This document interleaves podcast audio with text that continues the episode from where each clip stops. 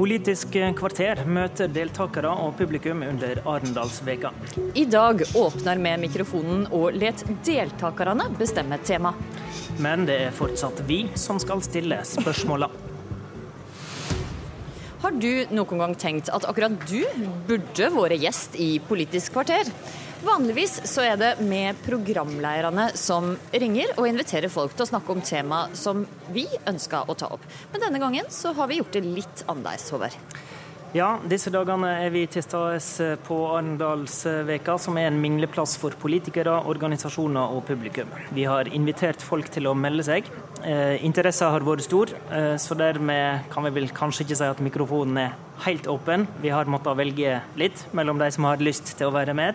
Og nå sitter vi klare i vårt utestudio i Pollen i et Arendal som bada i sol, og det vrimla av folk. Og det aller eh, første vi skal snakke om, er et eh, viktig politisk tema, nemlig beredskap. Ola Ytre, dagens første gjest. Velkommen eh, til åpen mikrofon. Takk for det. Du er altså ambulansesjåfør i Skjåk. Og mener at beredskapen for ambulanser i Norge er for dårlig. Har du opplevd noe i din jobb som du mener ikke er forsvarlig?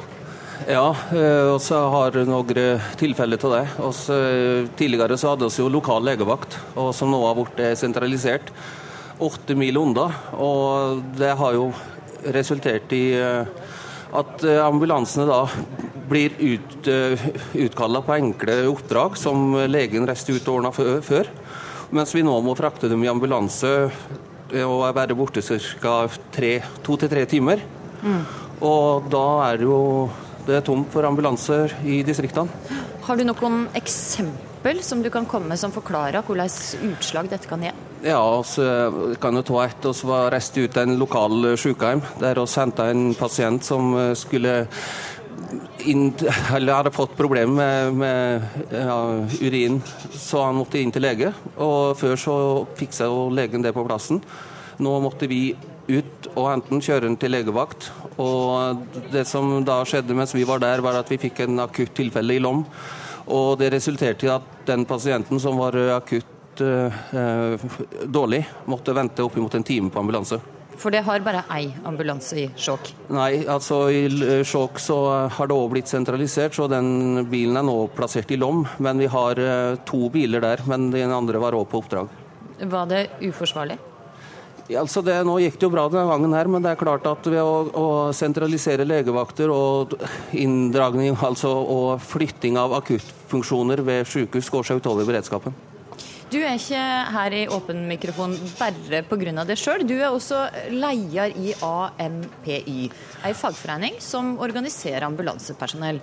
Og du mener altså at norske ambulanser har fått flere oppgaver, men har de fått mer ressurser? Nei, det, dessverre så har ikke det. Det, det, har, det står på stedet hvil, kanskje heller gått ned. Og desto mer uh, sentralisering og, og, og, vi får en og mye større eldregruppe som gjør at oppdragene blir flere. Og i distriktene spesielt er, det, er vi borte bare tre, og fire og fem timer. Så beredskapen må jeg si kanskje heller har gått den motsatte retningen. Fire-fem timer før en ambulanse kommer? Ja, altså vi, eh, vi, er ute på et oppdrag og er, har ca. 40-50 mil å kjøre til vi, er, fra vi drar til vi er tilbake. Så det Og så er det slik at politiet har fått responstid altså en makstid for hvor lang tid det skal ta før en politibil kommer fram til en, hver plass i Norge. Men dette har ikke ambulansene fått ennå. Hva eh, syns du om det? Nei, altså Det er noe som oss har kjempa for i lengre tid, å få en fastsatt responstid. Eh, det vil jo trygge innbyggerne i Norge, og, og spesielt i Distrikts-Norge. Men det har ikke fått gjennomslag ennå?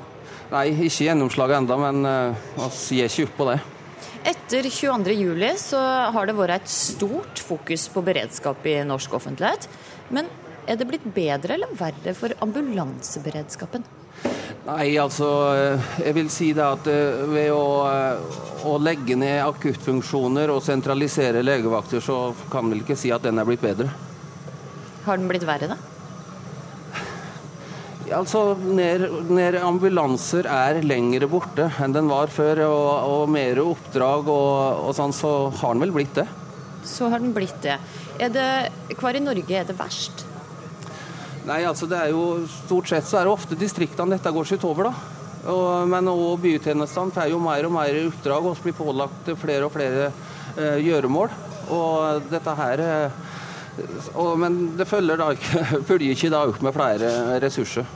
Så har jeg fått ei ny oppgave, eh, og det er etter knivepisoden på en buss i Årdal. Så eh, har, i, har politikerne bestemt at ambulansepersonell skal gå inn og vurdere om det er pågående eh, livstruende vold for utrykningsenheter. Mener du at ambulansepersonell sitt liv kan være i fare ved dette? Ja, eh, slik det er i dag, så er ikke oss trena til å, å, vurdere slike situasjoner. Dette er en helt klar politioppgave. Og skal dette inn i tjenesten vår, så må det opplæring til, og det må legges inn i utdannelsen. Hva syns du om at politikerne har bestemt at de ikke skal gjøre det uten at det sjøl mener at det er trent? Nei, Jeg syns ikke noe særlig om dette. dette der, jeg mener at dette er en politioppgave. Hva skal til for at det er en oppgave som eh, du er komfortabel med at du og dine medlemmer eh, tar? Kan du gjenta det? Hva skal til for at, eh, for at, dette er en oppgave som du er komfortabel med å utføre? Nei, altså Da må vi få tilstrekkelig opplæring. Og det har de ikke i dag? Nei, og så er altså dette her oss skal utøve helse, og, og så får politiet ta seg av det andre. Nå står vi altså foran et kommunevalg, og hvis en er opptatt av det du snakker om, som mange er, nemlig at ambulansen kan komme fram til der du bor hvis det skjer noe eh, galt, eh, hva for parti mener du en da bør stemme på? Nei, det skal jeg, jeg vet ikke om jeg skal mene noe spesielt om det, men jeg syns at, eh, at, politikerne må ta tak i dette. Og hvis de vil ha et levende Distrikts-Norge, så må de faktisk uh, gå på det med beredskap. At vi får et trygt distrikt å bo i. Ei oppfordring, ei oppfordring til politikerne i eh, valgkampen der. Ola Ytre, tusen takk for at du kom til Åpen mikrofon. Med det på veggen så får du en P2-kopp. Takk for det.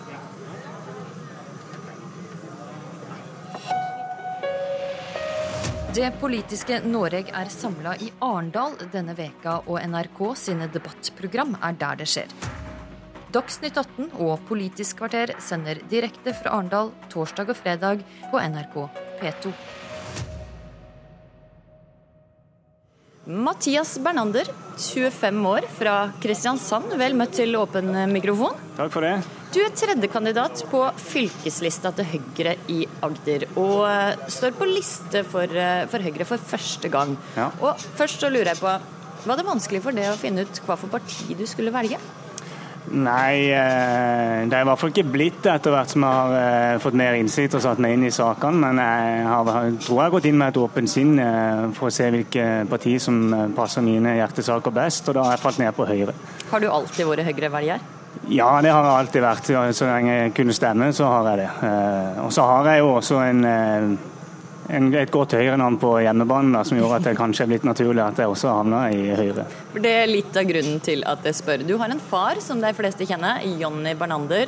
Han har vært NHO-sjef, han har vært nestleder i Høyre, han har vært kringkastingssjef. Og du har vel da fått inn politikken ved kjøkkenbordet? Ja, det, det, begynte veldig tidlig. Eh, mitt første minne og min første eh, hukommelse fra politikken er egentlig å være på valgkamp med pappa under EU-valgkampen eh, e i 94. Og da var, var ikke du så gammel? Da var jeg fem år. Men det, det, husker jeg godt. og Det var noe med at det sikkert enkelt å forholde seg til, til en liten gutt med ja eller nei. Så det var veldig lett å engasjere seg i. Og du sto på ja-sida. Er du fremdeles for EU? Jeg er fremdeles for EU og jeg står støtt på, på ja-sida. Og så jobba litt i Brussel, som gjør at jeg blir enda tryggere på mitt eh, ja-standpunkt. Men du har ikke så mange andre med deg på det? Nå er vel eh, Meningsmålinga viser vel ca. 2080? 80% nei, 20% ja til norsk medlemskap i EU? Det, det syns jeg er synd, men samtidig har vi jo en EØS-avtale som på mange måter eh, forvalter eh, likevel eh, vårt, eh, våre interesser godt. Men jeg mener jo at det er jo et demokratisk problem at ikke vi har medbestemmelsesrett. Og jeg tror at i en tid vi kanskje begynner å gå litt dårligere, så vil vi igjen trekke litt mer mot ja. Jeg tror Vi har det godt, og da er vi fornøyd med ting som det er. Og det skjønner jo jeg som er en konservativ mann, at når ting går godt, så vil vi gjerne ikke forandre noe. Og nå står du altså på valg og skal bli fylkespolitiker i Vest-Agder. Og hva er det aller viktigste du ønsker å jobbe for i Vest-Agder fylke? Det er også en erfaring på mange måter som jeg dro med meg fra Brussel. Jeg jobba tett med dette.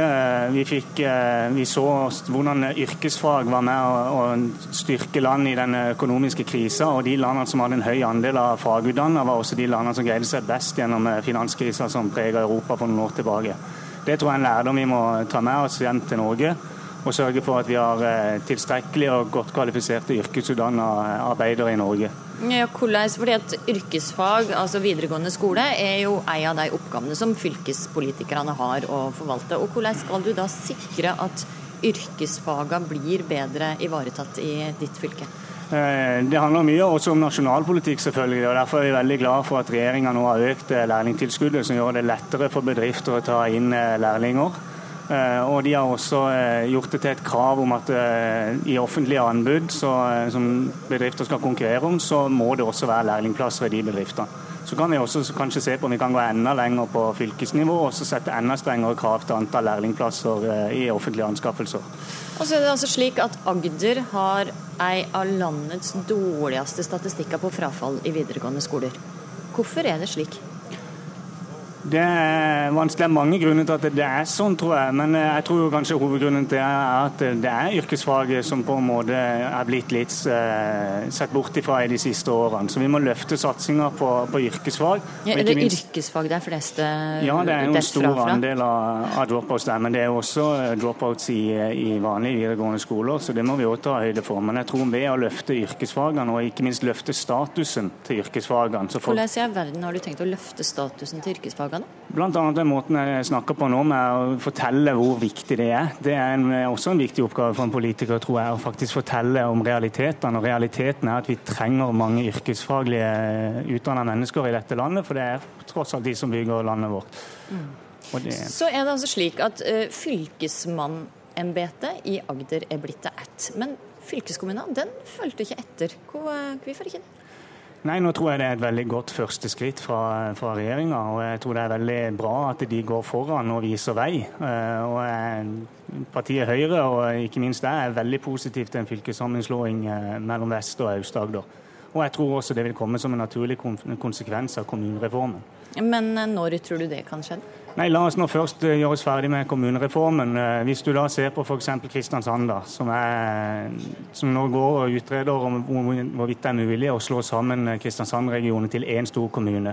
Kristiansand-regionen er i dag et, også et samarbeid, interkommunalt samarbeid mellom syv ulike kommuner, hvorav tre av de er i Aust-Agder og fire i Vest-Agder. Det er klart Hvis de går sammen i en kommune, så vil også fylkesgrensene forandre seg. Og, og det, det du, Som god Høyre-mann så er du for ei kommunesammenslåing eh, i Kristiansand-regionen? Ja, det er jeg for. Og jeg håper at det blir da altså med Stor-Kristiansand, altså hele Kristiansandsregionen, de syv omkringliggende kommunene. Hmm, skjønner.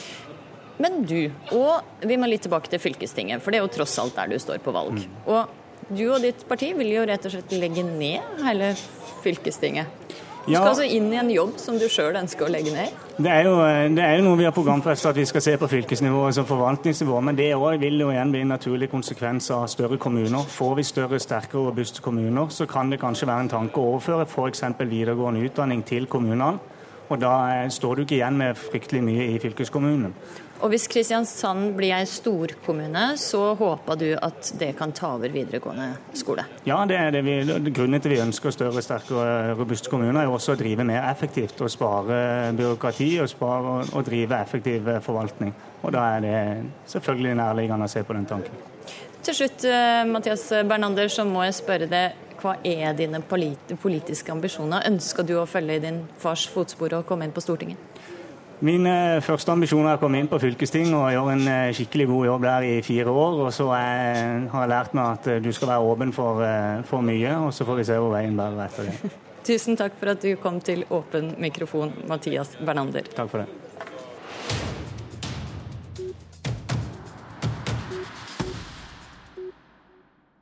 Da er vår neste gjest i ferd med å sette seg her i vårt utestudio i Arendal, som bada i sol i dag. Nydelig vær.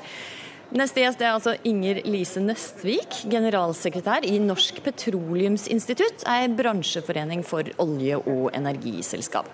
Og du har meldt inn til oss at du ønsker å snakke om hva det gjør for å bidra til reduserte klimagassutslipp for transportsektoren.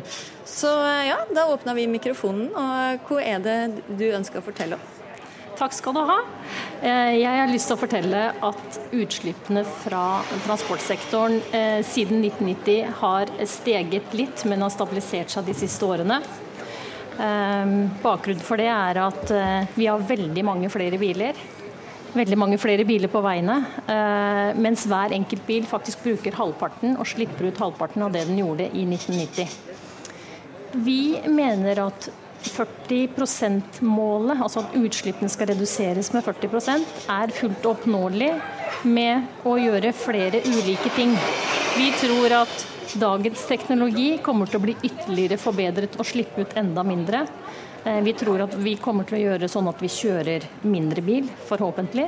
Så mener vi at det er helt viktig å innføre mer bærekraftig biodrivstoff i det drivstoffet vi har. Men hvordan har de tenkt å få til at vi skal kjøre mindre biler?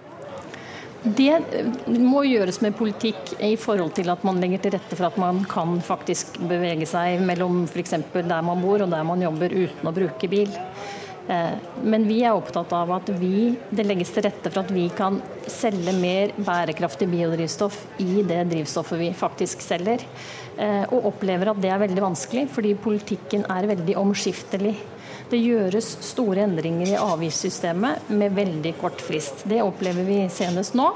Eh, det ble fattet et vedtak i juni som eh, gjør at vi skal selge mer biodrivstoff fra 1.10, samtidig som avgiftene på det produktet økes.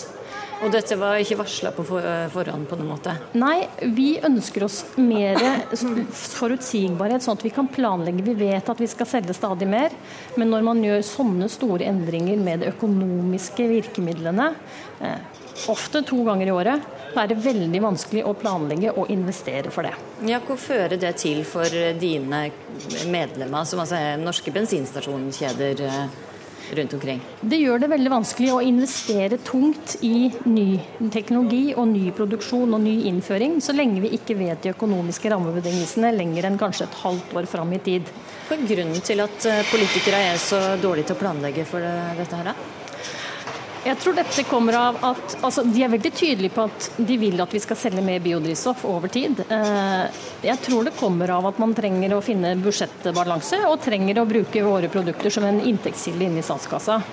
Eh, men, men, det jeg etterlyser, er en bredest mulig forankret enighet om hvordan avgiftsbeleggingen skal være i noen år framover, sånn at vi vet hva vi har å forholde oss til.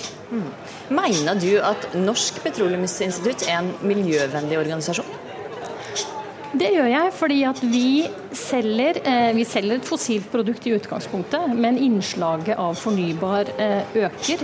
Eh, og det kommer antagelig også til å bli sånn at vi selger andre alternativer etter hvert, som det blir flere biler i markedet som bruker andre ting.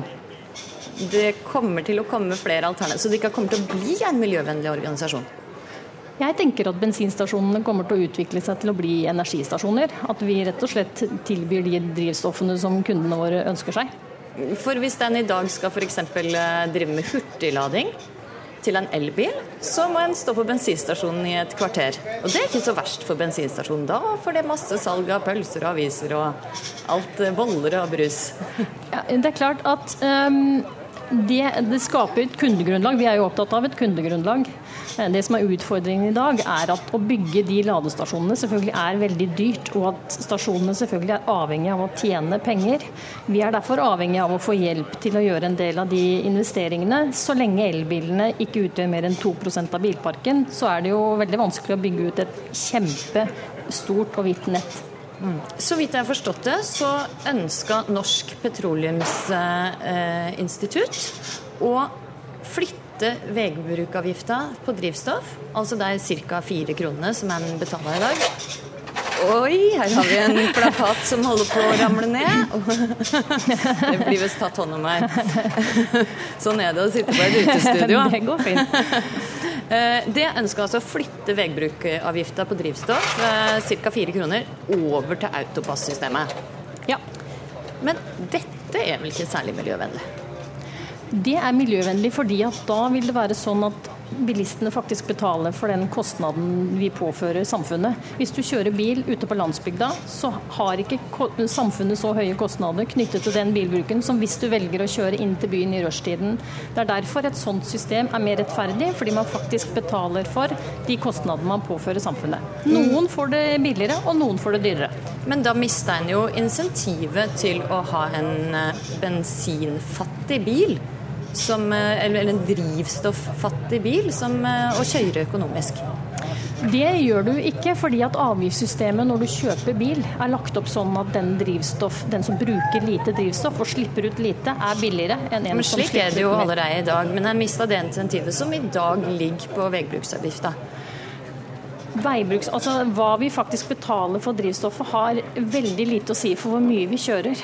Eh, det viser i hvert fall beregningene. Det, det, er ikke det som påvirker hvor mye vi kjører. De fleste i dag kjører bil fordi de har et transportbehov, og ikke fordi man har så veldig lyst til å cruise rundt i den bilen. Så, så, eh, beregningene viser at den bensinavgiften har veldig lite begrensende effekt på kjøringen. Da må den være fryktelig mye høyere hvis den skal begynne å virke sånn. Forstår. Inger Lise Nøstvik, tusen takk for at du kom hit til Åpen mikrofon. Takk for meg. Politisk kvarter åpner mikrofonen og slipper nye stemmer til. Under Arendalsveka er vi klare til å spørre ut deg som ønsker det. Deg som har ei sak på hjertet. Emneknagg på Twitter åpen mikrofon. Hør resultatet 16.30 torsdag og fredag på NRK P2. Marte Ultveit Mo, velkommen til åpen, åpen mikrofon. Takk, takk. Du står altså på andreplass på lista til Ikke andreplass. Jeg er førstekandidat for De Grønne i Kristiansand. Du er førstekandidat for De Grønne i Kristiansand, til bystyret i Kristiansand. Og først så må jeg høre med deg, hvor mange prosent oppslutnad hadde De Grønne i eh, Kristiansand ved sist meningsmåling? Eh, det er lenge siden vi har hatt lokal måling i Kristiansand, men vi lå an til å få inn to i bystyret. Det var en måling før påske. Jeg kan ikke huske det tallet helt nøyaktig. Så når du er førstekandidat, så er du kanskje ikke så veldig mye ordførerkandidat? Jeg er ikke så opptatt av å bli ordfører. Jeg er opptatt av å få til en bedre miljøpolitikk i byen min. Og Det er altså borgerlig styre i Kristiansand. Og eh, Hvis eh, valgresultatet blir omtrent slik det er nå, er det da aktuelt for eh, De Grønne å samarbeide med Høyre? Unnskyld, nå hørte jeg ikke hva du sa. Hvis det blir borgerlig styre i Kristiansand fortsatt, er det da aktuelt å samarbeide med, grønne, med uh, Høyre for uh, De grønne? Det kommer jo mye an på Høyre. Høyre i Kristiansand har jo de siste fire årene jobba hardt for å øke bilbruken. Og det mener vi er å gå i feil retning. Um, på hva måte har de jobba for å øke bilbruken? Nei, nytt parkeringshus under Torvet og store planer om ny motorvei rundt Kristiansand og sånne ting. Ikke så mange sykkelveier? Nei, litt. Men det monner ikke, når du samtidig legger til rette for at folk skal kjøre mer bil. Men det som er spennende med valget, er at eh, Fremskrittspartiet ligger an til å gjøre det ganske dårlig, både i Kristiansand og veldig mange andre kommuner. Så det, spørsmålet er jo om Høyre vil ut og se seg om etter noen nye og grønnere samarbeidspartnere enn det de har i dag. Så jeg har invitert ordførerkandidaten for Høyre med på seminar om eh, blå politikk for en grønn framtid her på Arendalsuka på mandag, og Harald Furre har svart at det gleder han seg til å være med på. Og da håper du å kunne trekke det største partiet i byen i en litt grønnere retning? Ja, største er vel kanskje Arbeiderpartiet, men det, det er mye ja, som kan skje lokal... Styrer, det er mye som kan skje i lokalpolitikken, og vi snakker med alle som vil, er interessert i å få til mer eh, miljøvern i Kristiansand. Når eh, du skrev inn, det skrev inn at du hadde lyst til å være med på Åpen mikrofon, så sa du at du ønska å snakke om at det nytta for mennesker å stanse klimaendringene. Og hva mener du at jeg som privatperson kan gjøre for å, at vi skal få en grønnere framtid? Alle sammen kan bidra på to måter. Det ene er å gjøre de små tingene hjemme i hverdagen. ta sykkelen, ta toget, eh, kjøpe de økologiske gulrøttene. Det andre eh, det er å organisere seg for å få til mer miljøpolitikk. Det kan være i et politisk parti, men det kan også være gjennom menigheten eller fagforeninga eller en miljøorganisasjon. Det var veldig inspirerende her på Arendalsuka i går, når eh, klimapilegrimene kom, fra, kom inn her i Pollen. De hadde seilt fra Grimstad til Arendal. Og Der var bl.a. med en biskop som snakka om den store alliansen mellom kirke, fagbevegelse og miljøbevegelse for å få til klima, gode klimatiltak. Det er veldig mye vi kan gjøre, men vi må tenke to ting. Det ene er hva du kan gjøre hjemme, lappe den buksa spise de gulrøttene. Og det andre er å være med i noe organisert arbeid for et bedre klima. En ting som jeg driver med hjemme, er søppelsortering. Jeg putter søpla mitt i forskjellige poser og, og øh, styrer på vask av melkekartonger. Hjelper det? Har det noe å si? Det er ikke nok å stå alene hjemme på kjøkkenet sitt og brette to melkekartonger. Jeg kan ikke si at det er miljøvennlig bare pga. det. Det er ikke nok. Men det at vi har fått til kildesortering i mange norske kommuner, er et viktig skritt på veien mot en kretsløpsøkonomi. Det er veldig usmart å hive all søpla i én diger haug. Det er mye bedre å få sortert søpla, sånn at ressursene kan brukes om igjen. En kretsløpøkonomi, faktisk. Ja. Det må du forklare hva er for noe. Ja, um, hvis vi bruker og kaster og hiver på dynga, så sløser vi med ressursene. Hvis vi kan få til et kretsløp hvor ressursene kan brukes om igjen og om igjen og om igjen, som i et hjul, da begynner vi å nærme oss et bærekraftig næringsliv og et bærekraftig samfunn. Og Når du sorterer søppel hjemme på ditt eget kjøkken, så er du med en bitte liten, men viktig del av det kretsløpet. Det å få ressursene tilbake til fornuftig bruk. Men jeg har jo lest at denne søppelsorteringa har absolutt ingenting å si. Nei, men altså, Systemet er ikke perfekt, men vi er nødt for å gå den veien. At vi istedenfor å bruke og kaste, eller bruke og brenne, så får vi brukt ressurser om igjen. Men du vil altså snakke om at det nytter for folk flest å engasjere seg og være med. Men det er vel storpolitikken som tar de viktige avgjørelsene på vegne av miljøet? Jo.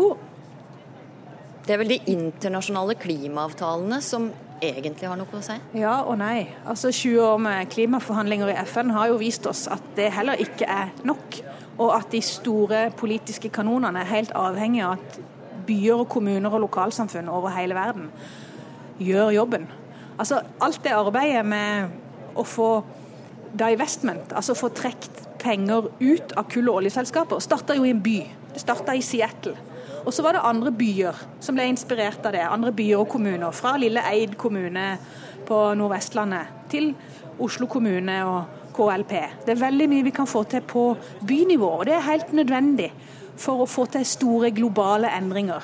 Og Du tror altså at lille Eid kommune kan ha påvirkning på de store multinasjonale oljeselskapene hvis mange nok går sammen om det samme? Ja, Det er jo helt åpenbart. Altså, det er Eid kommune med Venstre-ordfører Alfred Bjørlo, en av mine store helter, selv om jeg kommer fra Miljøpartiet. Eh, det de sparka i gang, er jo kjempeinspirerende. Det er et godt eksempel på hvordan noen må begynne, noen må starte, og så kan vi få til mye mer sammen. Få til mer sammen. Marte Ultveit Moe, du får ha et godt valg. Takk for det. Takk for at du kom til Åpen mikrofon. Med det på veien skal du få en P2-kopp.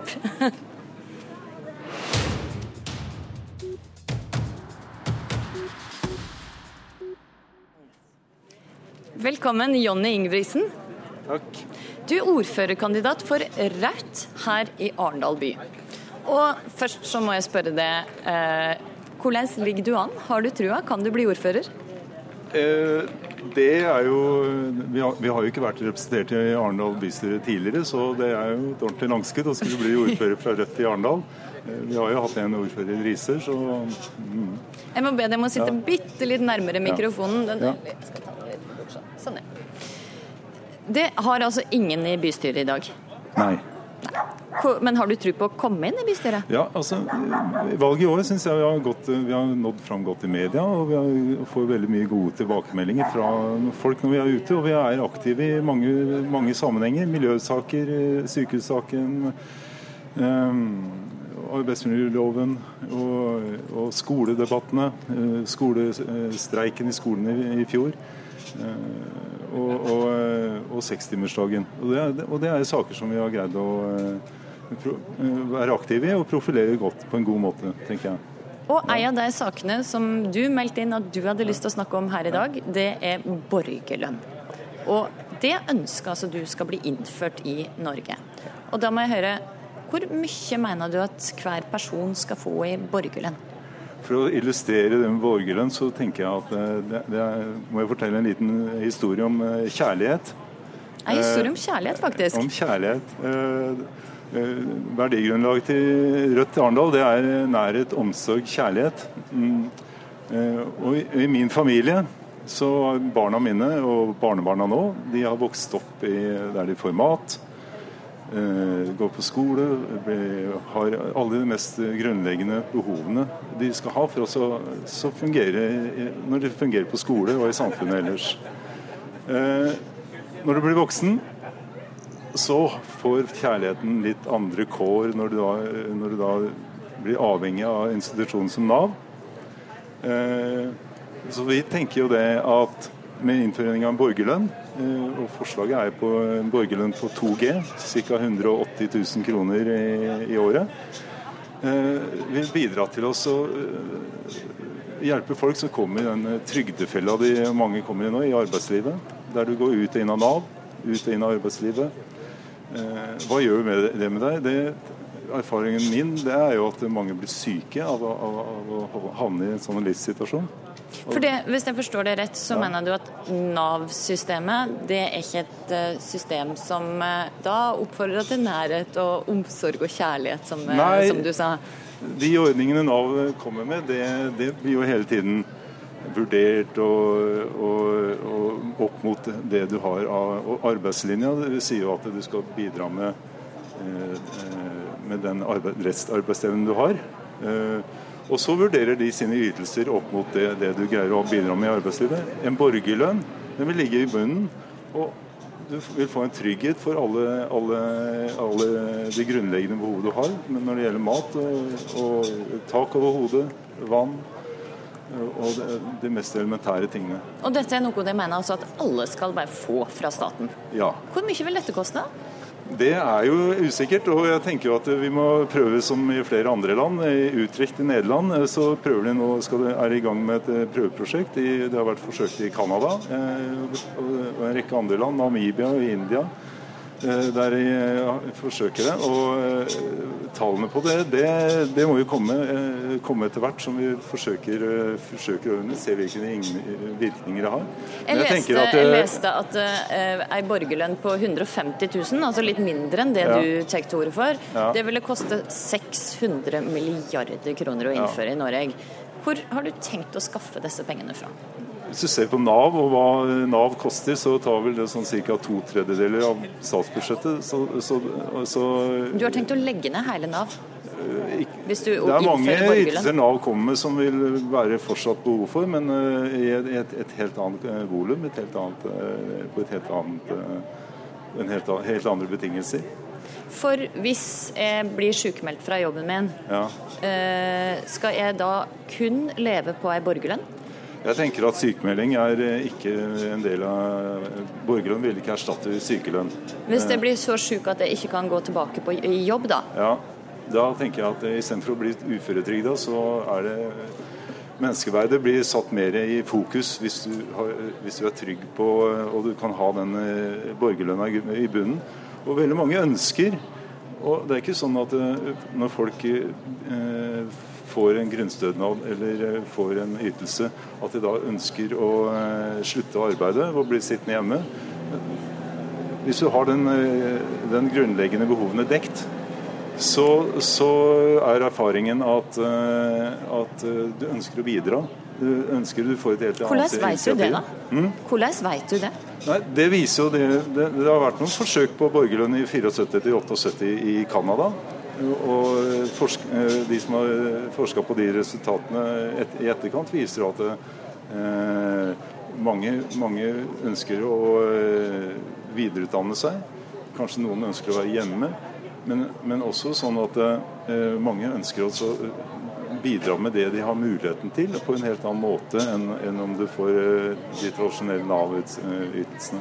For du eh, ønska som Rødt-medlem at kapital ikke skal være et insentiv for å jobbe. Ja. Og, Hvor skal være insentiv for å jobbe, da? Kjærlighet. Kjærlighet. Ja. Jeg, jeg, jeg, er glad i jobben min, men jeg vil ikke kanskje si at jeg elsker jobben min.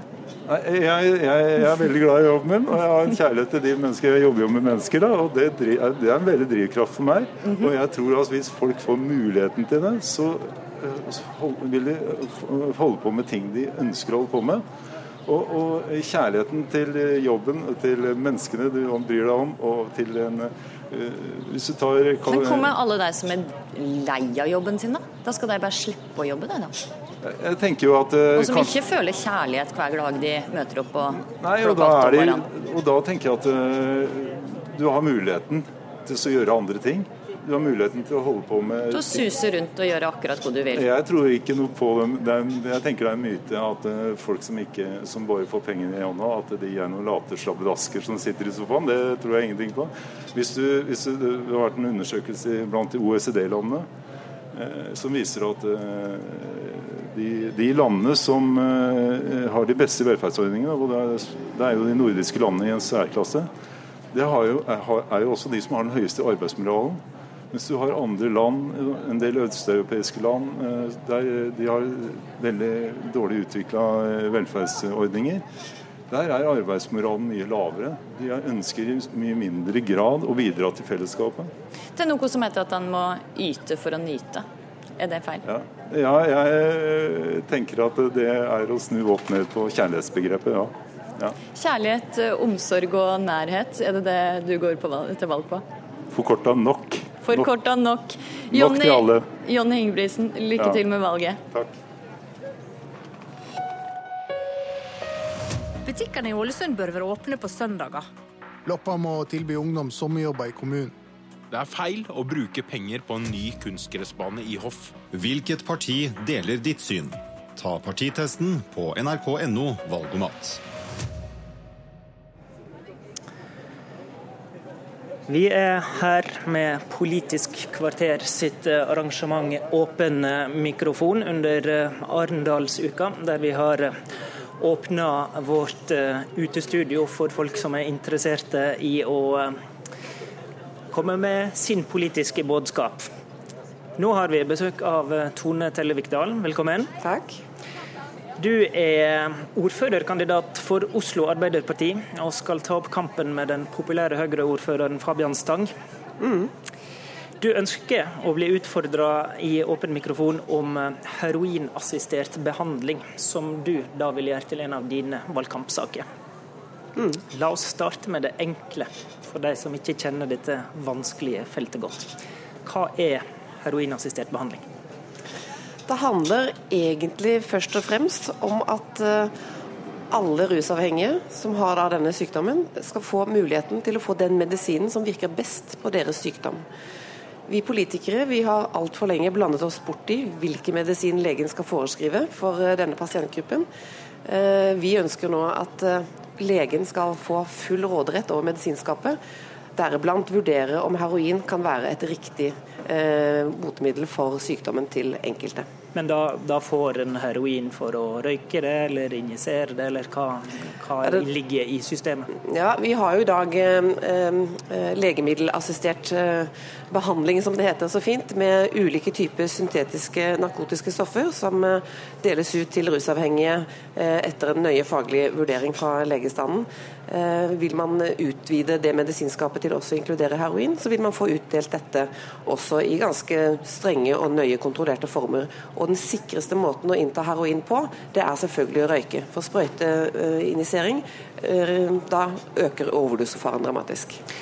Men da gir en rett og slett narkotika til de avhengige? Vi gir eh, narkotika til en pasientgruppe som i dag blir forskjellsbehandlet i helsevesenet. Det er ingen som stiller spørsmålstegn med hvilke narkotiske stoffer vi gir til ulike kreftpasienter f.eks. Det er ingen som stiller spørsmålstegn ved at vi gir amfetamin til ADHD-barn gjennom den medisinen de får. Men når det gjelder de rusavhengige, da plutselig skal vi som mennesker rette opp pekefingeren og være moralske og si at nei, denne medisinen, dette narkotiske stoffet her, det skal ikke dere få. Det mener jeg er feil. Vi må likebehandle pasientene øh, og la legen foreskrive den medisinen som er riktig for rett pasient. Men er ikke det nettopp avhengigheten som er problemet, da? Med, og dermed også problemet med å gi en det en er avhengig av? Og selvfølgelig eh, kan man si at det, Men det er en ganske defensiv eh, holdning. da. Når vi har så mange forskningsresultater og studier fra andre land som viser at ved å gi Eh, heroin til de pasientene som kan passe til denne behandlingen, så er altså muligheten for å faktisk komme helt ut av rusavhengighet ganske stor. Mange klarer i hvert fall å begynne å mestre livene sine igjen. Starte med, med å begynne i en jobb. Eh, få tilbake et familieliv. Alle disse tingene er jo viktige. Det handler om verdighet, økt livskvalitet for den syke. Men hvis en gir heroin til narkomane, er målet da å bli rus uavhengig, eller eh, er målet da at en skal kunne leve eh, med en eh, kontrollert bruk og være utenfor livsfare? Alle kan vi ha en visjon om at folk som er rusavhengige skal bli rusfrie. Men i helsevesenet så er jo målsettingen med å gi medisiner at man også kan leve godt og ha god livskvalitet selv om man har en kronisk sykdom. Og For mange er rusavhengighet en kronisk sykdom. Det er mange kronikere ute i dette landet som har ulike typer medisiner som de må gå på hele livet, men de får en medisin som er riktig for dem, sånn at de kan mestre sine liv på best mulig måte. Så, så en kan, men, men en tenker seg ikke da at en kommer helt ut av avhengigheten? Noen kan klare det, og det er mange gode eksempler på dette utom i landet. Jeg har selv hørt Thorvald Stoltenberg fortelle om sine historier, hvor han har møtt mennesker som har fått heroin i ordnede former som medisin, som har sluttet med det, som har kommet i jobb og funnet tilbake til sin familie. Dette er nå Arbeiderpartiet sin politikk. Mm. Eh, du er, har vært helt sentral i å kjempe det fram. Eh, hva er det som gjør at du har brukt politisk kapital på det? Noe av det som definerer hvorvidt et samfunn er godt eller ikke, er hvordan vi tar vare på de svakeste i samfunnet. Eh, og rusavhengige er blant de svakeste. De opplever mye stigma, de opplever mye forskjellsbehandling. Når de oppholder seg i de offentlige rommene, som egentlig er tilgjengelig for alle, så utsettes de for sjikane og hets, egentlig da hatkriminalitet. Um, mange ser ned på dem, og mange har gitt dem opp. Jeg mener at um, for meg er dette et viktig verdispørsmål. At vi må gjøre alt vi kan for at også disse menneskene skal få en lik uh, mulighet til å bli sett og hørt og få da dekket de behovene de har i sin situasjon. Hva sier du til de som mener det kan øke eh, tilgang, avhengighet og forstørre problemene? Jeg har snakket med ganske mange rusavhengige etter hvert, og det er ingen av dem som sier at de hadde lyst til å bli narkomane, eller at de har lyst til å begynne med sterkere stoffer, men de har kommet inn i en ond spiral fordi de ikke har fått god nok hjelp og riktig medisin på et tidlig nok tidspunkt. Sånn at eh, den, den, går jeg ikke på. Eh, dette handler om eh, en pasientgruppe. Ja, det er feil, rett og slett. Vi, vi må behandle de, disse menneskene som pasienter, og da må vi la legen foreskrive den medisinen som er riktig for dem, og ikke blande oss inn i hvilken medisin det er. Men du vet eh, fra eget parti bl.a. at dette er et kontroversielt tema. Eh, og du skal nå kjempe om en politisk eh, post, altså ordførerposten i Oslo, som eh, etter politisk tradisjon den siste tida er litt sånn konsensusprega. En, eh, mm. en rolle der en smiler og åpner skoler og sånt. Mm. Ønsker du da, når du liksom kjører fram dette temaet, ønsker du å være en mer politisk ordfører enn det vi kjenner f.eks. Fabian Stang som? da? Altså, jeg ønsker å være en politiker som ser alle innbyggerne og prøver å rette søkelyset på en del utfordringer vi har som samfunn. Rusavhengige er en gruppe som trenger mer oppmerksomhet, fordi at det da blir lettere kanskje å bli enige om hvilke virkemidler som skal til for at de kan få et bedre liv. Tror du eh, du vinner velgere på et så kontroversielt tema? Det er vanskelig å si, men alle er like mye verdt. Uh, uavhengig av hva slags bakgrunn eller sykdom eller meninger man måtte ha. Og jeg er opptatt av å kunne være en politiker for alle menneskene i Oslo, også de rusavhengige. Takk for at uh, du kom hit til uh, oss i Politisk kvarter og vårt uh, arrangement Åpen mikrofon. Takk, Tone Telle Vikdal. Tusen takk.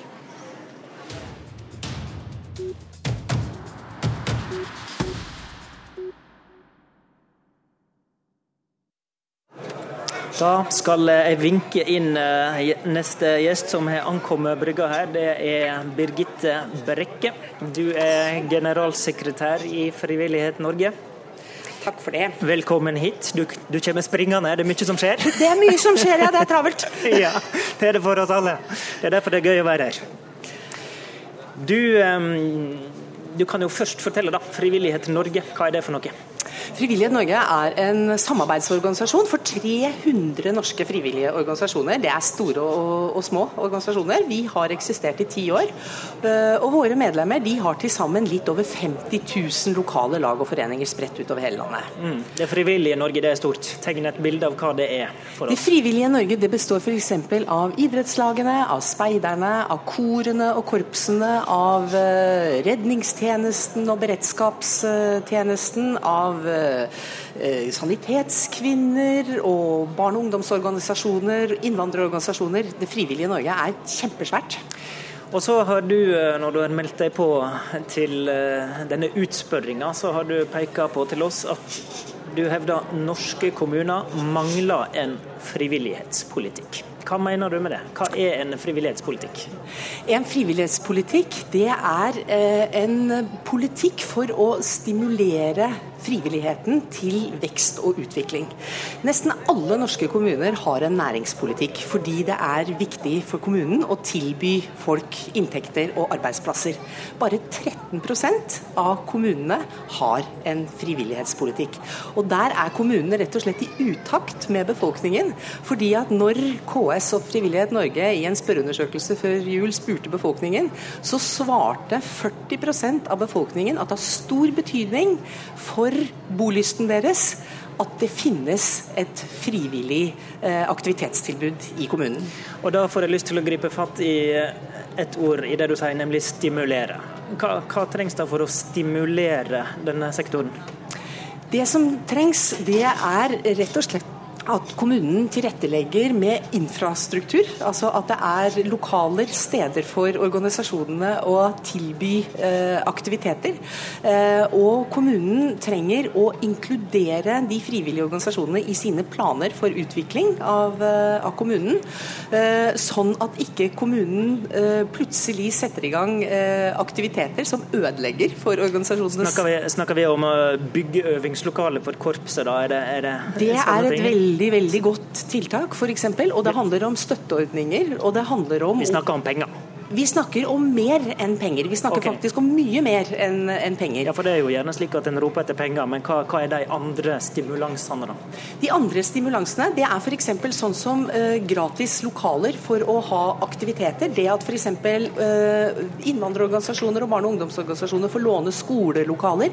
Stadig flere kommuner tar nå høye leier av organisasjonene for å bruke f.eks. gymsaler eller klasserom på skoler til, eh, til aktiviteter på kvelden.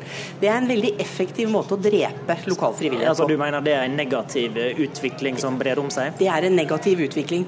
Veldig mange organisasjoner driver f.eks. kulturminnevern, miljøvern, turstimerking, den type ting.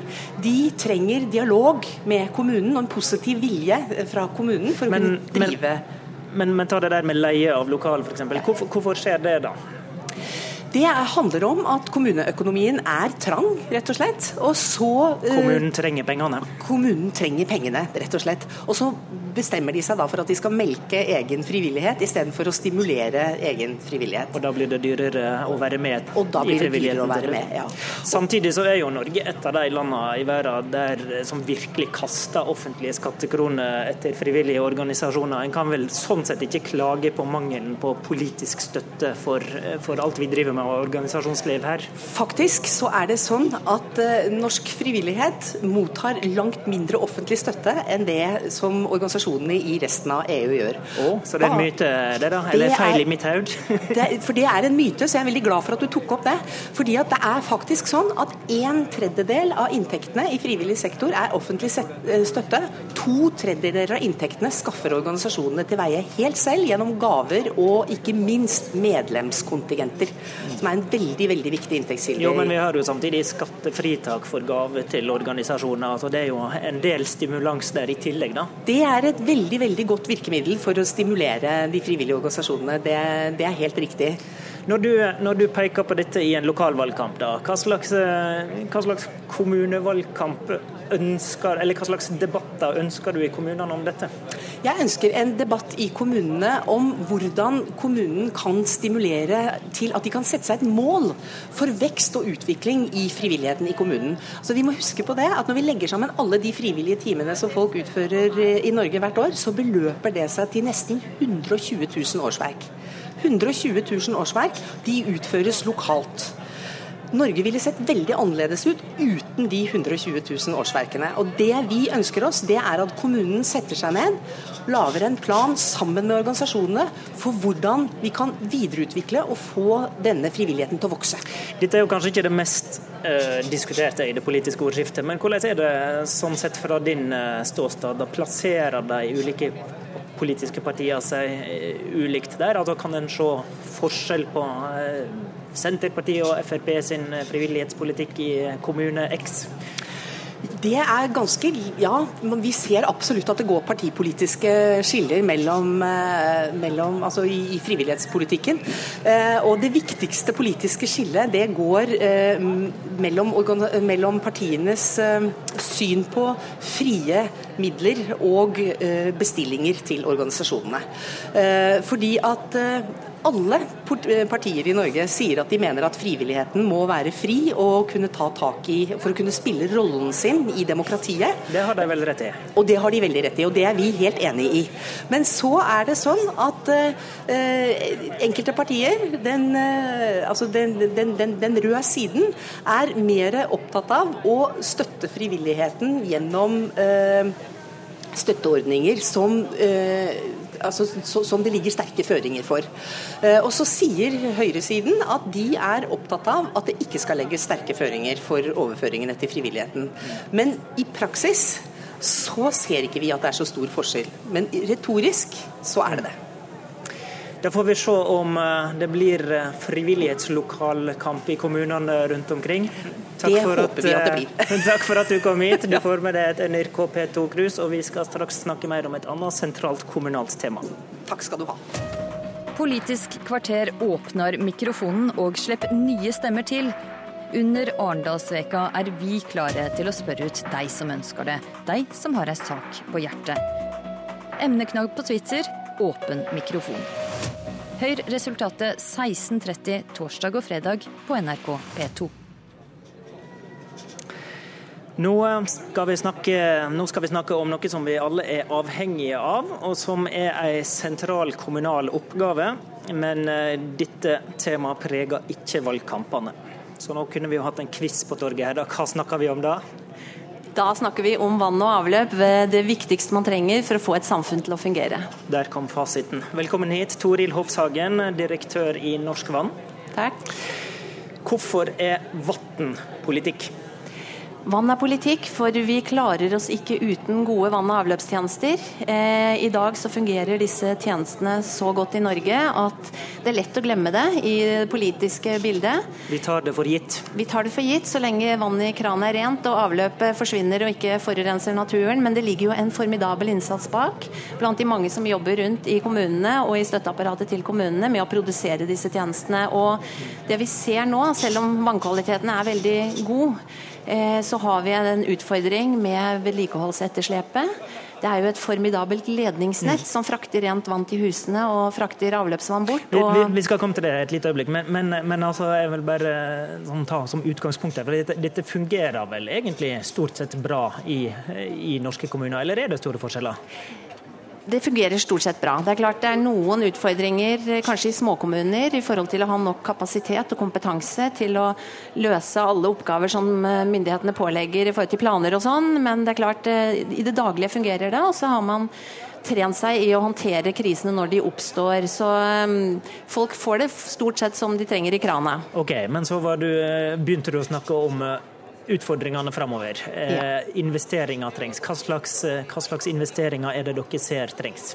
For å oppgradere vann- og avløpsanleggene til tilfredsstillende standard i dag, så snakker vi om 200 milliarder kroner. Og skal vi samtidig løse utfordringene fremover med klimaendringer, økt befolkningsvekst og skjerpede krav til sikkerhet og beredskap, så må vi ytterligere ha 290 milliarder frem til 2030. Hvordan påvirker klimaendringer eh, vannledningsnettet som jeg er avhengig av? Den, den ser jeg ikke umiddelbart de påvir, altså Klimaendringene, og særlig da stadig mer ekstremnedbør, påvirker særlig avløpsledningene og overvannsledningene. Vi har dimensjonert ledningene for å ta unna regn på overflaten for 50 år siden, og det holder jo ikke med dagens eksempler på bomberegn rundt omkring. Så vi må oppgradere ledningsnettet til det nye klimaet, og må løse mye mer av overvannsutfordringene lokalt på den enkelte grunneiers tomt. Ja, for vi ser i en del tilfeller nå når det kommer ekstrem nedbør, som vi jo har sett vi hadde hatt mange flomsituasjoner de siste åra bl.a., da, da har ikke vi et nett som tar unna.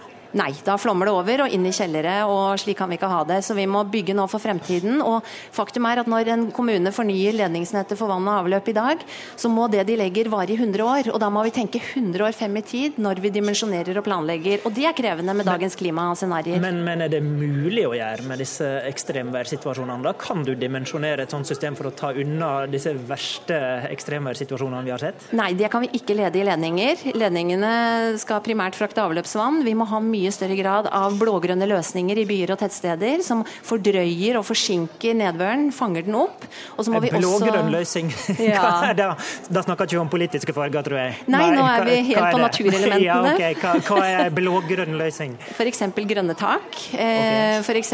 å åpne opp det som tidligere var bekker som ble lukket i rør på 60- og 70-tallet. De må vi åpne opp nå, og kunne la vannet flomme der når det går fullt i grunn og i rør. Bruke naturens egen drenering? Bruke bruke naturen og få frem de fine landskapselementene det gir mulighet for. Da må det da gjøres et stort arbeid, åpenbart?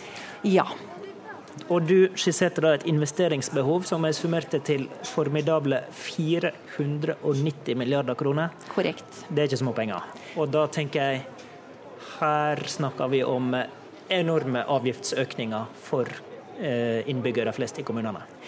Faktisk ikke, for dette tar vi over tid. Vi er jo en langsiktig bransje med investeringer i 100-årsperspektiv. og Avgiftsnivået i dag er veldig moderat. En gjennomsnittlig husstand i Norge betaler i dag 8700 kroner samlet for vann og avløp gjennom hele året. Da kan de bruke så mye vann de vil i husholdningen og få renset avløpet. Det er 24 kroner dagen, det, inklusive moms til staten.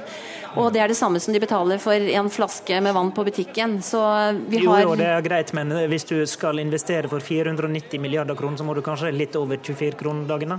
Vi må nok øke det gradvis i svært mange kommuner for å få råd til den fornyelsestakten, men vi har ikke noe valg, for ellers overlater vi en stor regning til barn og barnebarn. Så vi må sette i gang nå, og det syns vi skal være et tema i valgkampen, for det fortjener innbyggerne. Men utfordringa eh, til din bransje litt i det jeg sier nå, at det, det der med avgifter kan jo fort bli en kommunal, kommunal diskusjon, mens kanskje ikke selve investeringsbehovet vil eh, prege nødvendigvis en eh, valgkamp?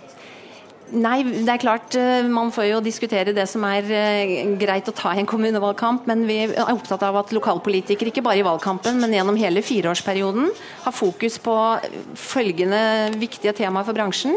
Vern av drikkevannskildene, hvordan beskytte de mot forurensning, så man ikke må bygge ut veldig avansert vannbehandling i tillegg til det vi har i dag.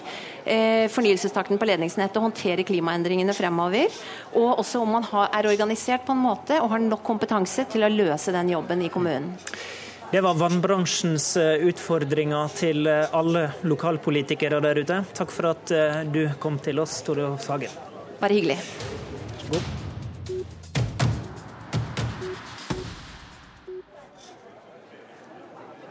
Vi skal eh, fortsette å eh, snakke om eh, kommuner. Og ikke bare det, men kommunereformen. Det er det jo en debatt som det er mye liv i om dagen. Velkommen hit, Arne Lein. Hjertelig takk. Du er forbundsleder i Norges Handikapforbund. Og du har presentert en interessant påstand for oss. Kommunereformen kan gå aldeles gale for de funksjonshemma. Det har jeg gjort. Det må du nesten forklare. Det skal jeg forklare. Og Vi hadde i går et seminar hvor vi bl.a. hadde besøk fra vårt søsterorganisasjon i Danmark. som jo har vært gjennom en kommunereform ganske lik den som vi nå står foran i Norge. Og hvor vedkommende som var derfra sier at 87% av funksjonshemma i Danmark har fått dårligere tilbud etter at de hadde sin kommunereform. Hvorfor har det skjedd i Danmark? Fordi de flytter, og det er det samme som nå er planlagt i Norge, flytter veldig mye av de statlige oppgavene ned i kommunene. Og så er det opp til kommunene å gjøre de ulike prioriteringene. Eksempelvis i dag så har hjelpemiddelformidlingen er et statlig ansvar. Ehm, dette, deler av det vil de flytte inn i kommunene etter reformen, etter regjeringens forslag. Men poenget med en sånn reform er jo at kommunene skal takle å ta større oppgaver. Men de har ikke klart det i Danmark, da? eller? Det har de ikke klart i Danmark, fordi å formidle et hjelpemiddel det handler ikke bare om å gi hjelpemidler til en person, men det er å tilpasse hjelpemiddelet. I dag har vi 18 hjelpemiddelsentraler i Norge hvor det er fagkompetanse på hvordan skal vi tilrettelegge et hjelpemiddel og tilpasse den enkelte person. Alt dette fagkunnskapen som nå ligger i hjelpemiddelsentralene, vil pulveriseres og bli borte, i verste fall, i Norge. Men hvorfor skal den kompetansen forsvinne, fordi om det er en annen offentlig arbeidsgiver, egentlig? da? Nei, fordi selv om du da får større kommuner, så vil alle disse kommunene være for små til å ha riktig fagkompetanse på alle de spesialitetene som gjelder når det gjelder hjelpemidler. Og I dag er dette på fylkesnivå i Norge, mm. selv om det er et statlig ansvar. Mm. Og Dermed så er det også langt flere ansatte, større fagkompetanse, enn det som vi kan oppnå i en kommune. Så du tror, eh, hvis jeg skal eh, prøve å forstå dette, da, at de som arbeider med hjelpemidler for funksjonshemmede, det vil bli det vil bli såpass eh, små eh, miljø og få personer i hver enkelt kommune at de vil ikke være i stand til å ta hånd om dette? De vil ikke være i stand til å ta seg av det. Dertil, og det er et annet element i hele denne debatten, så er hjelpemidler i dag finansiert over folketrygden som såkalte overslagsbevilgninger. Det betyr det er ikke budsjettet som avgjør om du får, men det er behovet som avgjør. Mm. Når du flytter dette inn i kommunene, så blir det også flyttet inn økonomisk til kommunene som da får en rammefinansiering. Når pengene er brukt opp, så er det ikke mer penger. Og Dermed så forsvinner også muligheten til at du får hjelpemidlet. Men, men, er dette sånn sett fra din ståsted at ok, om denne oppgaven forblir på statlig hånd, så, så, er dette greit, og så kan vi ha kommunereform ellers? Eller er det andre problemstillinger? Det er mange andre problemstillinger også. Og så okay. har ikke vi tatt stilling til kommunereformen som sådan. Nei. Men det er alle de nye oppgavene ja. Ja, og alle de nye oppgavene som de ønsker å flytte inn i kommunene. Og det interessante det er at øh, politikerne sier vi skal gjøre kommunereform fordi det har blitt så mange nye oppgaver til kommunene. Og så skal de i tillegg sende enda flere oppgaver. Og disse nye oppgavene de vil svekke brukernes rettigheter på mange plan. Bl.a. innenfor rehabilitering, habilitering, varig tilrettelagt arbeid for funksjonshemma. Alt dette er ting som nå skal flyttes inn i kommunene, og hvor rettighetene til enkeltindividet blir svekket. Det er den store, store utfordringen. Hva er du redd for er konsekvensen for den enkelte funksjonshemmede, hvis vi ser det helt nede på grasrotplanet? Jeg er redd for at dette fører til større forskjeller, vanskeligere rettigheter, vanskeligere tilgang til nødvendig kompetanse, og hvor så det enkelte mennesket får et dårligere tilbud i konsekvens enn det vi har i dag. Men Eh, trenger det å bli sånn hvis en, hvis en, da, hvis en da, ikke overfører de oppgavene du har, du har snakka om her, så, så, vil du eh, kunne tenke at en kommunereform er greit nok? Ja, kommunereformen som sådan, den har vi faktisk ikke tatt så veldig mye stilling til.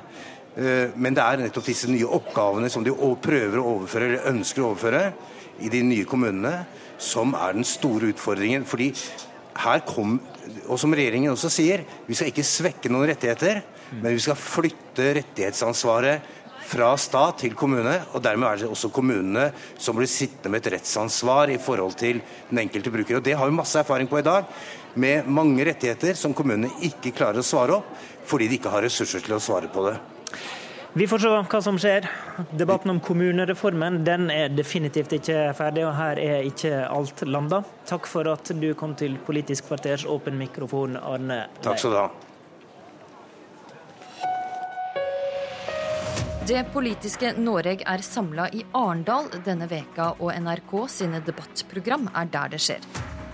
Dagsnytt 18 og Politisk kvarter sender direkte fra Arendal torsdag og fredag på NRK P2. Da er vi tilbake her eh, fra vårt utestudio i Pollen i Arendal. Og eh, sola skinner, det er fullt av folk i byen, og vi har fått med oss en ny gjest. Inger Lise Hillestad Aasen. Du står på andreplass på fylkestingslista for Kristelig Folkeparti og stiller til valg for første gang. Er du spent? Ja, jeg er veldig spent. Jeg er helt fersk som politiker, så jeg gleder meg veldig. Men eh, det er jo veldig spennende òg. Jeg har mye å sette meg inn i, men jeg gleder meg. Hva var det som gjorde at du nå valgte å engasjere deg i politikken og stille på liste? Ja, eh, det er nok ikke fordi jeg har sånn veldig veldig god tid. Eh, jeg har jo jobb og fem barn. Men KrF er et parti som jeg har veldig lyst til å engasjere meg i. Den viktigste grunnen til det er kanskje det med menneskeverd, og at det er et parti som kjemper for de mest sårbare gruppene i samfunnet. Eh, jeg ble veldig engasjert når eh, Kjell Ingolf Ropstad, som eh, har snakka med og gjort en god jobb for KrF i forhold til menneskehandel. Han er stortingspolitiker for stortings... Kristelig Folkeparti, for mm. deg som ikke kjenner han, og fra ja. ditt fylke, sant? Fra mitt fylke.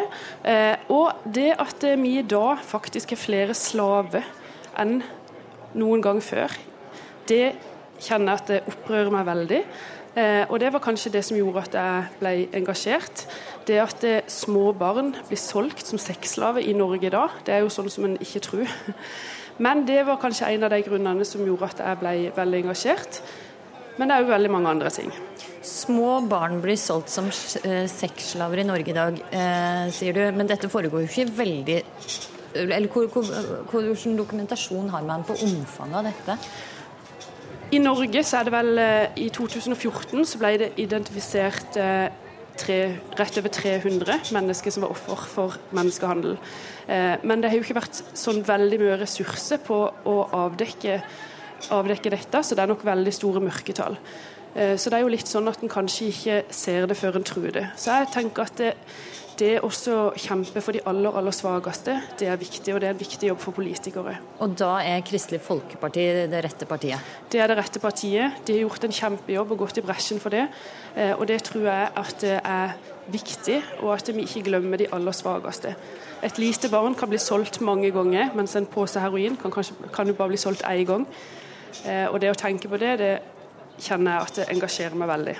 Og det er derfor du har gått inn i politikken. Men du skal altså inn i fylkeskommunen. Det skal jeg. Der er det vel vanskelig å gjøre så mye med altså menneskehandel? Ja, ikke direkte kanskje at det er så lett å gjøre noe med det der. Eh, men det er mange andre ting òg som engasjerer meg, bl.a. skole. Eh, og Aust-Agder har jo hatt en, eh, hatt en del elever som dropper ut av videregående opplæring. Nå er det blitt gjort en veldig god jobb der av, av KrF og av andre partier. Men jeg har lyst til å være med på og prøve å gjøre det enda bedre for ungdom. Sånn at de skal lykkes og få den utdanninga som de trenger. For det er slik at uh, fylkeskommunen har ansvaret for videregående opplæring. Ja.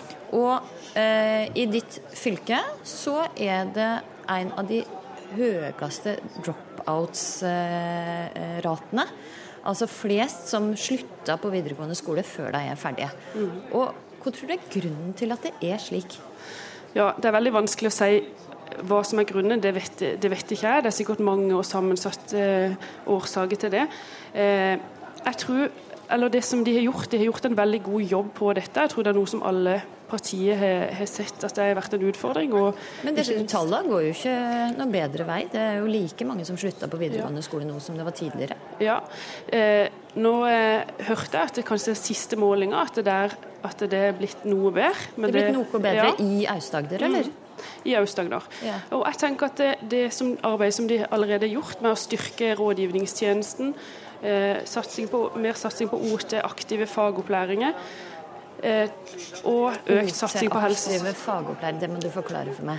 Ja, altså At eh, flere kan ut i lære. altså At de på en måte eh, følger de hele veien. At, de, at de kommer ut i lære. Det er jo et problem, og der må en gjøre enda mer. Og det med helse, skolehelsetjeneste tenker jeg at det er veldig viktig. Jeg tror at det, det er viktig med gode lærere og engasjerte lærere, men òg det at en ser hele mennesket, tenker jeg er viktig.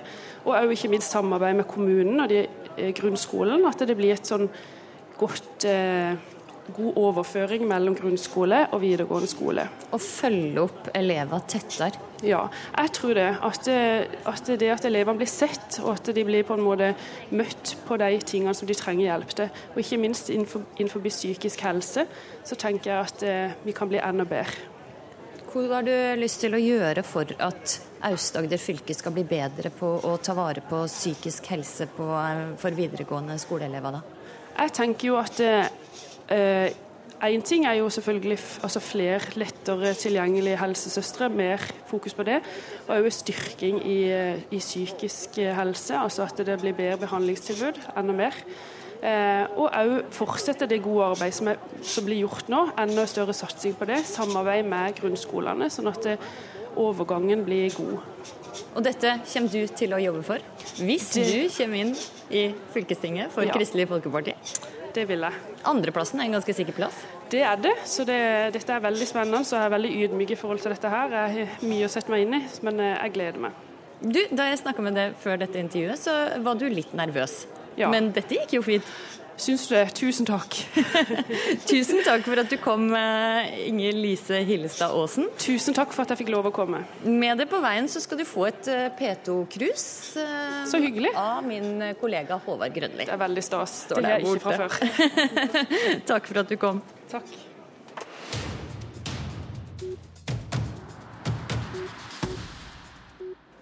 Da har vi fått på plass neste gjest her i vårt utestudio i Pollen i Arendal, Audun Eng. Du ville komme hit og snakke om denne nydelige byen som vi sitter her og ser på nå. Med sol og sjø og hvite trehus. Men du mener at denne byen utvikler seg på en helt feil måte. Hva er feil med det vi ser rundt oss nå? Det som er feil, er at Arendals eh, politikere ikke har evne til å verne om byens kvaliteter, og eh, ligger under for eh, utbyggernes veldig konvensjonelle planer. Og ikke våger å sette premisser gjennom reguleringsplaner som kan sikre at Arendals kvaliteter blir videreført og ikke undergravd og ødelagt ved nybygging. Jeg må be deg eh, sette det bitte litt nærmere mikrofonen, eh, slik at vi hører det godt og klart. Men når du ser rundt det her, hva er det som er feil her? Hvilke bygg er det som ikke burde vært her? Ja, akkurat her inne i Pollen er det en eh, veldig morsom variasjon av stort sett eldre bygninger. Og så er det enkelte nybygg som ikke er så fine. Det er veldig synd at ofte er det de nyeste bygningene som er de styggeste. Rett rundt hjørnet så har vi en eh, etter min mening helt forferdelig utbygging med enorme næringsbygg som eh, er utformet som om de lå i en svær næringspark, og som ikke bidrar til å utvide Arendal sentrum, men nærmest fungerer som en slags fiendtlige kolonner som har marsjert opp ved by, bymuren og truer med å ødelegge hele byen. Fiendtlige kolonner, sier du. Og, men, men, mener du at Arendal by bare skal være gamle trehus fra 1800-tallet? Arendal bør uh, fortettes, Arendal bør uh, utvikles. Men hvis man ser f.eks. på denne bitte lille kvadraturen de har i Arendal, som er altså bare to, to gater, så skaper det en veldig fin urban atmosfære. Og det skyldes både at det er en fornuftig og god byplan, at skalaen er riktig, og at arkitekturen er variert og uh, morsom med detaljer og uh, ornamenter. Og selvfølgelig at det er butikker og kafeer i alle førsteetasjene. Det er dette som er den veldig enkle oppskriften på å lage by. Dessverre kommer utbyggerne med sine gigantiske næringsbygg og rene boligblokker og dumper det eh, hvor som helst, og snylter på de urbane kvalitetene som finnes fra før. Men eh, hva er det som gjør at eh, utbyggerne får lov til å bygge da, slike bygg som du mener ikke fungerer i en bysammenheng? Ja, det er dessverre det kommunale selvstyret, som ofte utdatter til vannstyret. Problemet er at vi har veldig gode nasjonale retningslinjer for stedsutvikling i Norge. Eh, om at man skal eh, bygge eh, tett og variert og med mange funksjoner. At befolkningen skal tas med på råd. At man skal komme vekk fra det bilbaserte samfunnet over på fotgjengervennlige og sykkelvennlige samfunn. Og Lokalbefolkningen støtter veldig ofte disse ideene. Problemet er mellomsjiktet, lokalpolitikerne, lokal administrasjon og selvfølgelig utbyggerne, som gjør det de kan for å undergrave det som staten, de sentrale myndighetene og befolkningen er enige om. Derfor Men er du mot kommunalt selvstyre? Ja, Når det kommunale selvstyret ikke fungerer for uh, velgerne, men for uh, aktører, kommersielle aktører, eller fungerer for uh, de folkevalgtes egne ambisjoner om prestisje og ære ved å stå for bygging av svære palasser, så fungerer ikke det lokale selvstyret. Det vi trenger er Hva er det som gjør at vi velger politikere som ifølge det er så dårlige, da? Jeg tror det er litt sånn at de blir litt bitt av basillen. Når de sitter i bystyret og er valgt, og det er fire år til neste valg, så går de inn i sin egen verden, og de lever veldig tett med sterke aktører, ikke minst de kommersielle utbyggerne, som både lokker og truer for å få lov til å gjøre akkurat det de vil. Derfor trenger vi mer direkte demokrati, ved at befolkningen ikke bare stemmer hvert fjerde år eller hvert annet år, men er aktivt med hele tiden og korrigerer og påvirker og har en reell rolle. Altså, Du vil rett og slett ha folkeavstemning om en skal ha et nye, svært nybygg i en by? Folkeavstemning er én måte, men vi promoterer noe vi kaller plansmier. og Det har vi holdt i ti norske kommuner de siste årene. Og Det er rett og slett en workshop hvor alle aktørene kommer sammen med blanke ark, sammen med arkitekter og eksperter, og i løpet av en uke utvikler en plan som veldig ofte alle er enige om. Man må svelge noen kameler, det dukker opp nye, gode ideer. Men vi har opplevd at hvis man tar alle med i en deltakende, reell, forpliktende prosess, så er det helt utrolig hvor seriøse folk er. Og det er helt utrolig hvor mye man kan oppnå i retning konsensus i løpet av en uke. Så der har de altså laga et verktøy som du mener fungerer? Ja da, og eh, dette verktøyet har vært eh, rost eh, både i forskningsrapporter og i Stortinget, og anbefalt brukt. Men det er igjen dette med at disse alliansene på bakrommet, ikke bare innen politikken, men også mellom politikerne og kommersielle aktører, foretrekker å holde befolkningen unna, foretrekker å holde informasjon tilbake. Men disse kommunepolitikerne har jo ikke bare som jobb å sikre at en by skal være fin å se på. De har jo også som jobb å sikre at folk i byen skal ha et arbeid å gå til, og at det skal være en utvikling og en tilflytning. Ja, altså Det vi snakker er ikke det som kalles NIMBY, altså 'not in my backyard', at ikke noe skal skje. Ofte er det det folk tyr til. Altså Det er bedre at ingenting skjer enn at noe skjer, fordi de regner med at det som skjer, blir til ødeleggelse for nærmiljøet. Det vi må finne frem til, er metoder for at fortettingen, utviklingen, nybyggingen, nyetableringen blir på premissene til byen slik folk verdsetter den. Altså at man tar de beste kvalitetene, viderefører og forsterker når man bygger nytt. Så kan man godt bygge veldig tett. Hvis du drar til Stockholm og ser på Gamla stan, så er det så tett at det er helt ulovlig å bygge slik i dag. Men det er jo ingen som klager over at det er for tett. Audun Eng, på mandag så skal du ta med deg folk her og gå på byvandring i Arendal. Hva er det verste du vil vise fram da? Det er nok disse næringsbyggene som kalles Sørlandets kunnskapshavn. Rett rundt hjørnet er noen gigantiske, jålete næringsbygg som uttrykker mer kunnskapsløshet om byutvikling enn kunnskap om hva er det som er så stygt med deg, da? Ja, det er altså veldig typisk for det som bygges i dag. Det er enorme frittliggende bygninger som kun har én funksjon, nemlig at det er kontorer. Altså Man bidrar ikke til byveven, man bidrar ikke til livet. Man skal bare bygge et palass over sin egen storhet og fortreffelighet. Hvis du har lyst til å bli med på dette, så har du muligheten førstkommende mandag. Audun Eng, tusen takk for at du kom til Åpen mikrofon. Butikkene i Ålesund bør være åpne på søndager. Loppa må tilby ungdom sommerjobber i kommunen. Det er feil å bruke penger på en ny kunstgressbane i Hoff. Hvilket parti deler ditt syn? Ta partitesten på nrk.no valgomat. Neste gjest ut kom bort til oss her på vårt utestudio og lurte på om eh, du kunne få lov til å være med og snakke om din sak. Lise Stang Lund, du leier altså arbeidsutvalget i en organisasjon som heter Kunstnernettverket. Og du må først forklare meg, hva er Kunstnernettverket for noe? Kunstnernettverket samler 19 landsomfattende kunstnerorganisasjoner som representerer skapende og utøvende kunstnere i Norge. Og samlet så har vi 25 000 medlemmer. Jeg må be deg sette det bitte litt nærmere ja. denne mikrofonen her. Sånn, ja.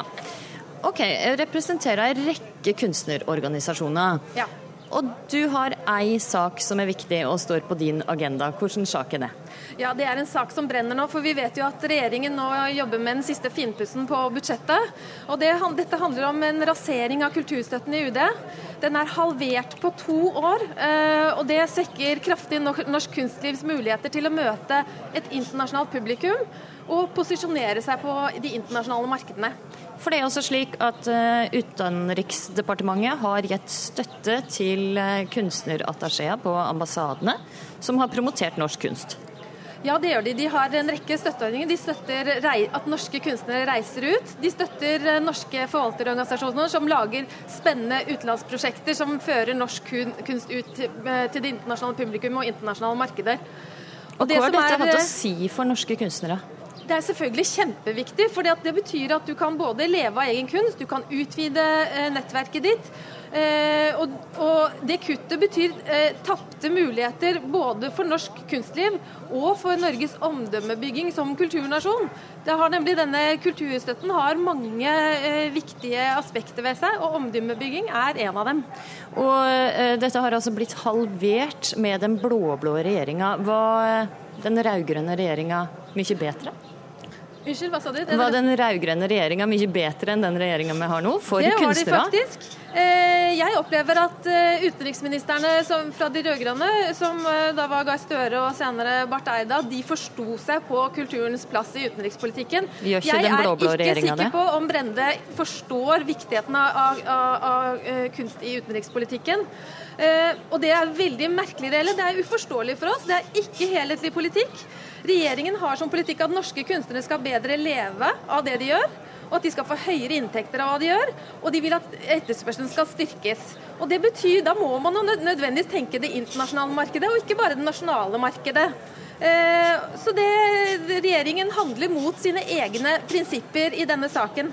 Men det du tar til orde for, er mer penger over statsbudsjettet. Og det er jo ikke de blå-blås sin løsning. De blå-blå ønsker mer privatkapital, og at kunstnerne sjøl skal sørge for sin egen inntekt. Ja, altså, du, kan si Det er litt mer komplekst enn det. fordi vi, de, Den blå-blå regjeringen står for en videreføring av eh, en rekke, en rekke støtteordninger. Og, men, eh, og, men, og dette, denne saken har stor støtte i Stortinget. KrF, Venstre, Arbeiderpartiet og SV har, eh, har støttet denne saken veldig og tatt det opp i spørretimen bl.a. Men du har altså tro på at det kan reversere et kutt? Ja, jeg mener at det ikke er flertall. Hvordan har du tenkt å få gjennomført dette, da? Det er rett og slett fordi at dette, denne politikken henger ikke sammen. Det er ikke godt for Norge å få eh, kutt i kulturstøtten. Det er ikke Norges interesse, og det er ikke norsk kunstlivs interesse. Um, og det vi ser er at Norske kunstnere er aktive på de internasjonale arenaer, og det er økende etterspørsel etter norske kunstnere. Du, Lise Stang Lund, Tusen takk for at du eh, kom til eh, Politisk kvarter sin eh, åpen mikrofon. Med det på veien ut så skal du få med deg et Peto-krus. Tusen takk. Takk skal du ha. Takk. Og du var faktisk vår siste gjest på denne sendinga med åpen mikrofon i Politisk kvarter, som jeg har hatt fra vårt utestudio her i Pollen i Arendal. Denne sendinga kan du høre et utdrag av på NRK P2 i ettermiddag klokka 16.30. Og det blir også gjort tilgjengelig etter hvert på nrk.no, de gjestene vi har hatt her. Jeg heter Astrid Randen. Og jeg heter Håvard Grønli. Og vi takker med dette for oss.